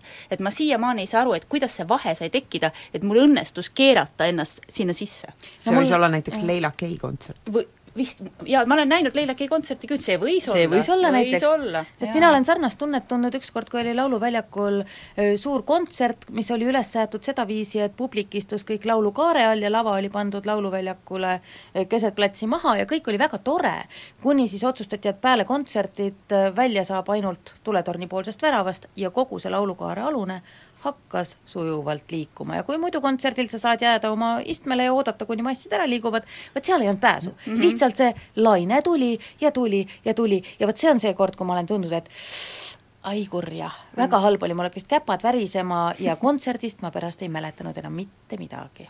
vot minul ei ole selliseid kogemusi, et äh, võib-olla ma, või- võib-olla, võib-olla ma ei mäleta või äh, eks neid mingeid äh, tunglemisi ja tõuklemisi on, on ikka olnud, aga aga mulle kuidagi ei ole nagu ükski niimoodi meelde jäänud, et äh, et ma... oleks tulnud suurem kaklus, mille pärast muretseda, et oleks midagi põlema läinud, no siis läks hästi, või oleks torm puhkenud etendus või seal mingisuguse lava, lava pikali puhunud, igasugu asju võib juhtuda. issand, ma tõesti ei mäleta. no siis on sul hästi läinud no laulupeol on ka olnud, mul on selline hetk olnud, et äh, kus on järsku hästi palju rahvast liigub seal edasi-tagasi, kus need söögid ja igast telgid on ja õues on umbes kolmkümmend kraadi sooja mm -hmm. ja sul ei ole seal lihtsalt õhku, et äh, seista ja sa tunnedki, pea läheb järsku nagu paksuks ja nagu hakkakski kokku kukkuma lihtsalt. aga noh, see ongi laulu peo üks osa, üks osa., osa rahvast kukub. et samas ongi, võib-olla me olemegi harjunud sellega, et see on okei okay,, et me seal niimoodi olemegi tihedalt koos ja me tõukleme, et tegelikult asjad ei peaks nii olema ju. no aga kui sul ilm on soe, siis on ju pigem ikkagi see, et äh,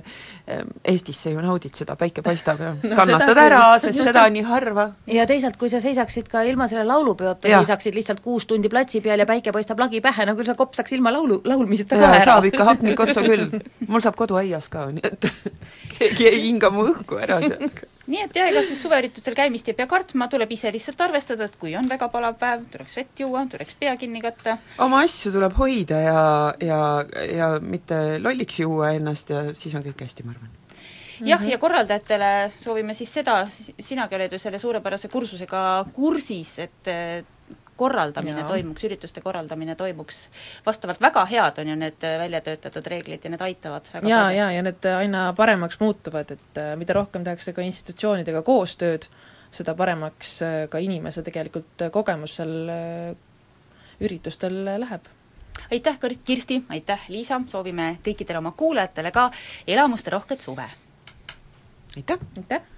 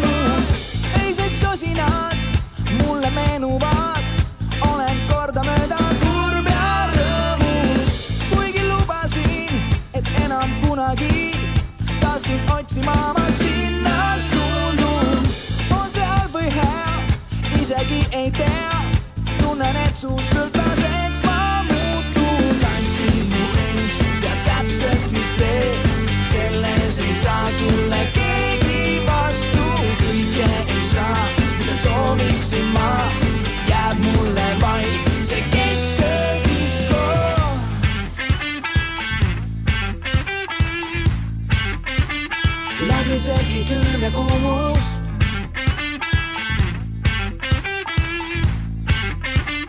Corda mööda kurb ja rõõmus.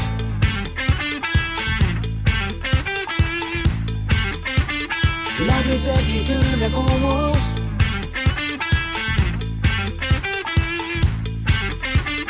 kordamööda kurb ja rõõmus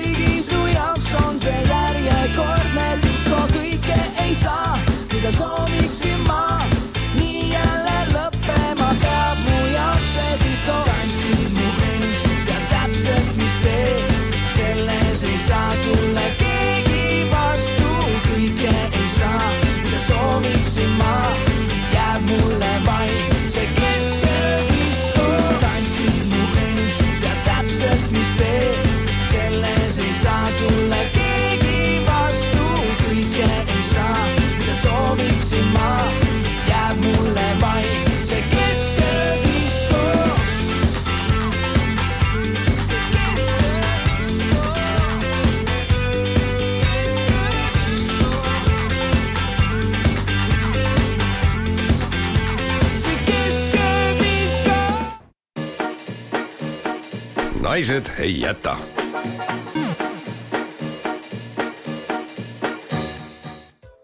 ja saate viimased minutid, seisul kell kümme viiskümmend kolm, kuluvad selleks, et rääkida, kuhu minna, mida teha. ja mina leidsin väga toreda ettevõtmise. näiteks äh, Sagadi Metsamuuseumis avati näitus ja tead, mis teemal? sääskedega sõjas ja rahus selline näitus? mida näitus. nad näitavad seal siis? no näitavad äh, sääski, sõda ja rahu tegelikult see käsitleb äh, sääskede rahulikku elu looduses ja inimese sõda sääskede vastu mm. -hmm. mina teeks sellel teemal kohe piketi, asuks sääski kaitsma ma ei tea, mul iga, iga suvi, kui suvi algab, siis ma alati rõõmustan, et ta tuleb, mul on meeles küll, et seal on mingi aga kogu aeg selle suve jooksul.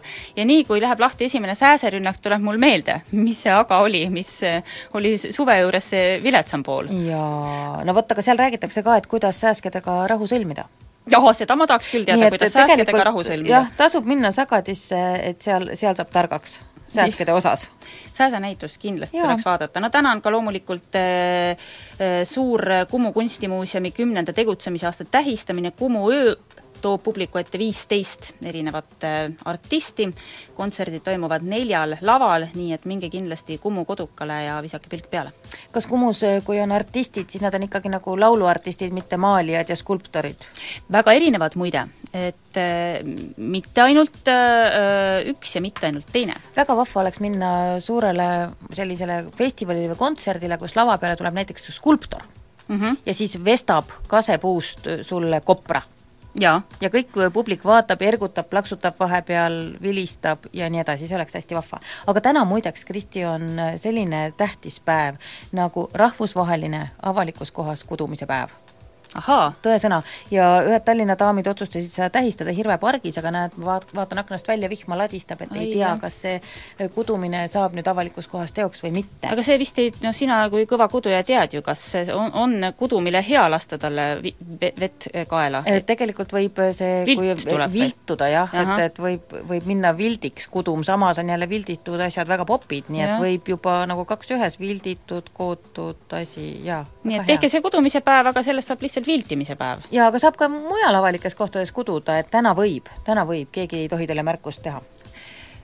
jaanipäev on lähenemas, järgmisel nädalal on veel kaks linna, kus Kuku raadio paneb kirja selgeid grupijuhte ja ja need kaks ongi ainukesed kohad, nii et kui kellelgi on veel selge grupijuhi tunnistus saamata, siis kahekümnendal juunil esmaspäeval Kiviõlis Olerexi teenindusjaamas ja kahekümne esimesel viimane koht Tallinnas, samuti Olerexi teenindusjaamas, sellel, mis on Ahtri tänaval.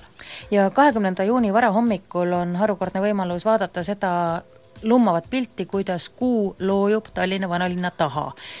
targad inimesed on selle välja rehkendanud täpselt, nii et kahekümnenda juuni varahommikul kell neli, juhul kui taevas ei mm -hmm. ole väga mhm. pilvine, siis võib minna Pirita randa Merivälja poolsesse otsa ja sealt on otse näha, kuidas see kuu sinna loojub, et minge ehk ei ole pilvi ees. no ehk ei ole, loodame. jaanipäev pidi igatahes ilus tulema, nii et loodetavasti tuleb ka, meie kohtume juba pärast jaanipäeva. ja osade inimeste võib-olla siis rõõmuks, et siis me lähme suvepuhkusele. siis meid kuus nädalat ei ole, kõik need inimesed, kes meie saadet ootavad, nendega me saame augustis kokku, aga üks saade tuleb veel, see kõige parem, see viimane. nii et me kohtume järgmisel nädalal, ilusat nädalavahetust! nüüd viimaks päikese heledas joos on katkenud viimne lumelõng. ma olen hiir vaikselt üksinda toas ja aknast voolab sisse kevadhõng. veel pole kuumusest jõuetud veel lapsikult tujukas ta.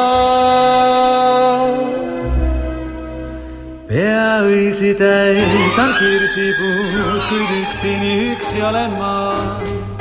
samm-sammult taas rutab suve poole nüüd kevadaeg. päev nõuab valgust ja ilu jaoks valmis seab end aeg sest kui on käes lõppeks jaanipäev, siis üksi ma olema seal enam ei pea.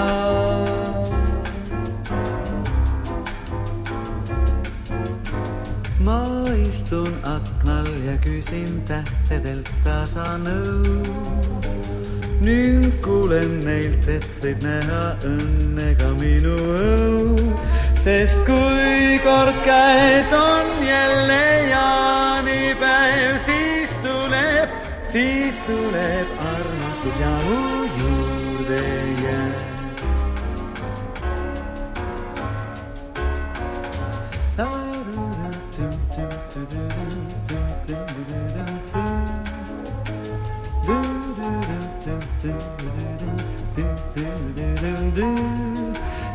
kui on käes lõppeks jaanipäev, siis üksi ma olema seal enam ei pea.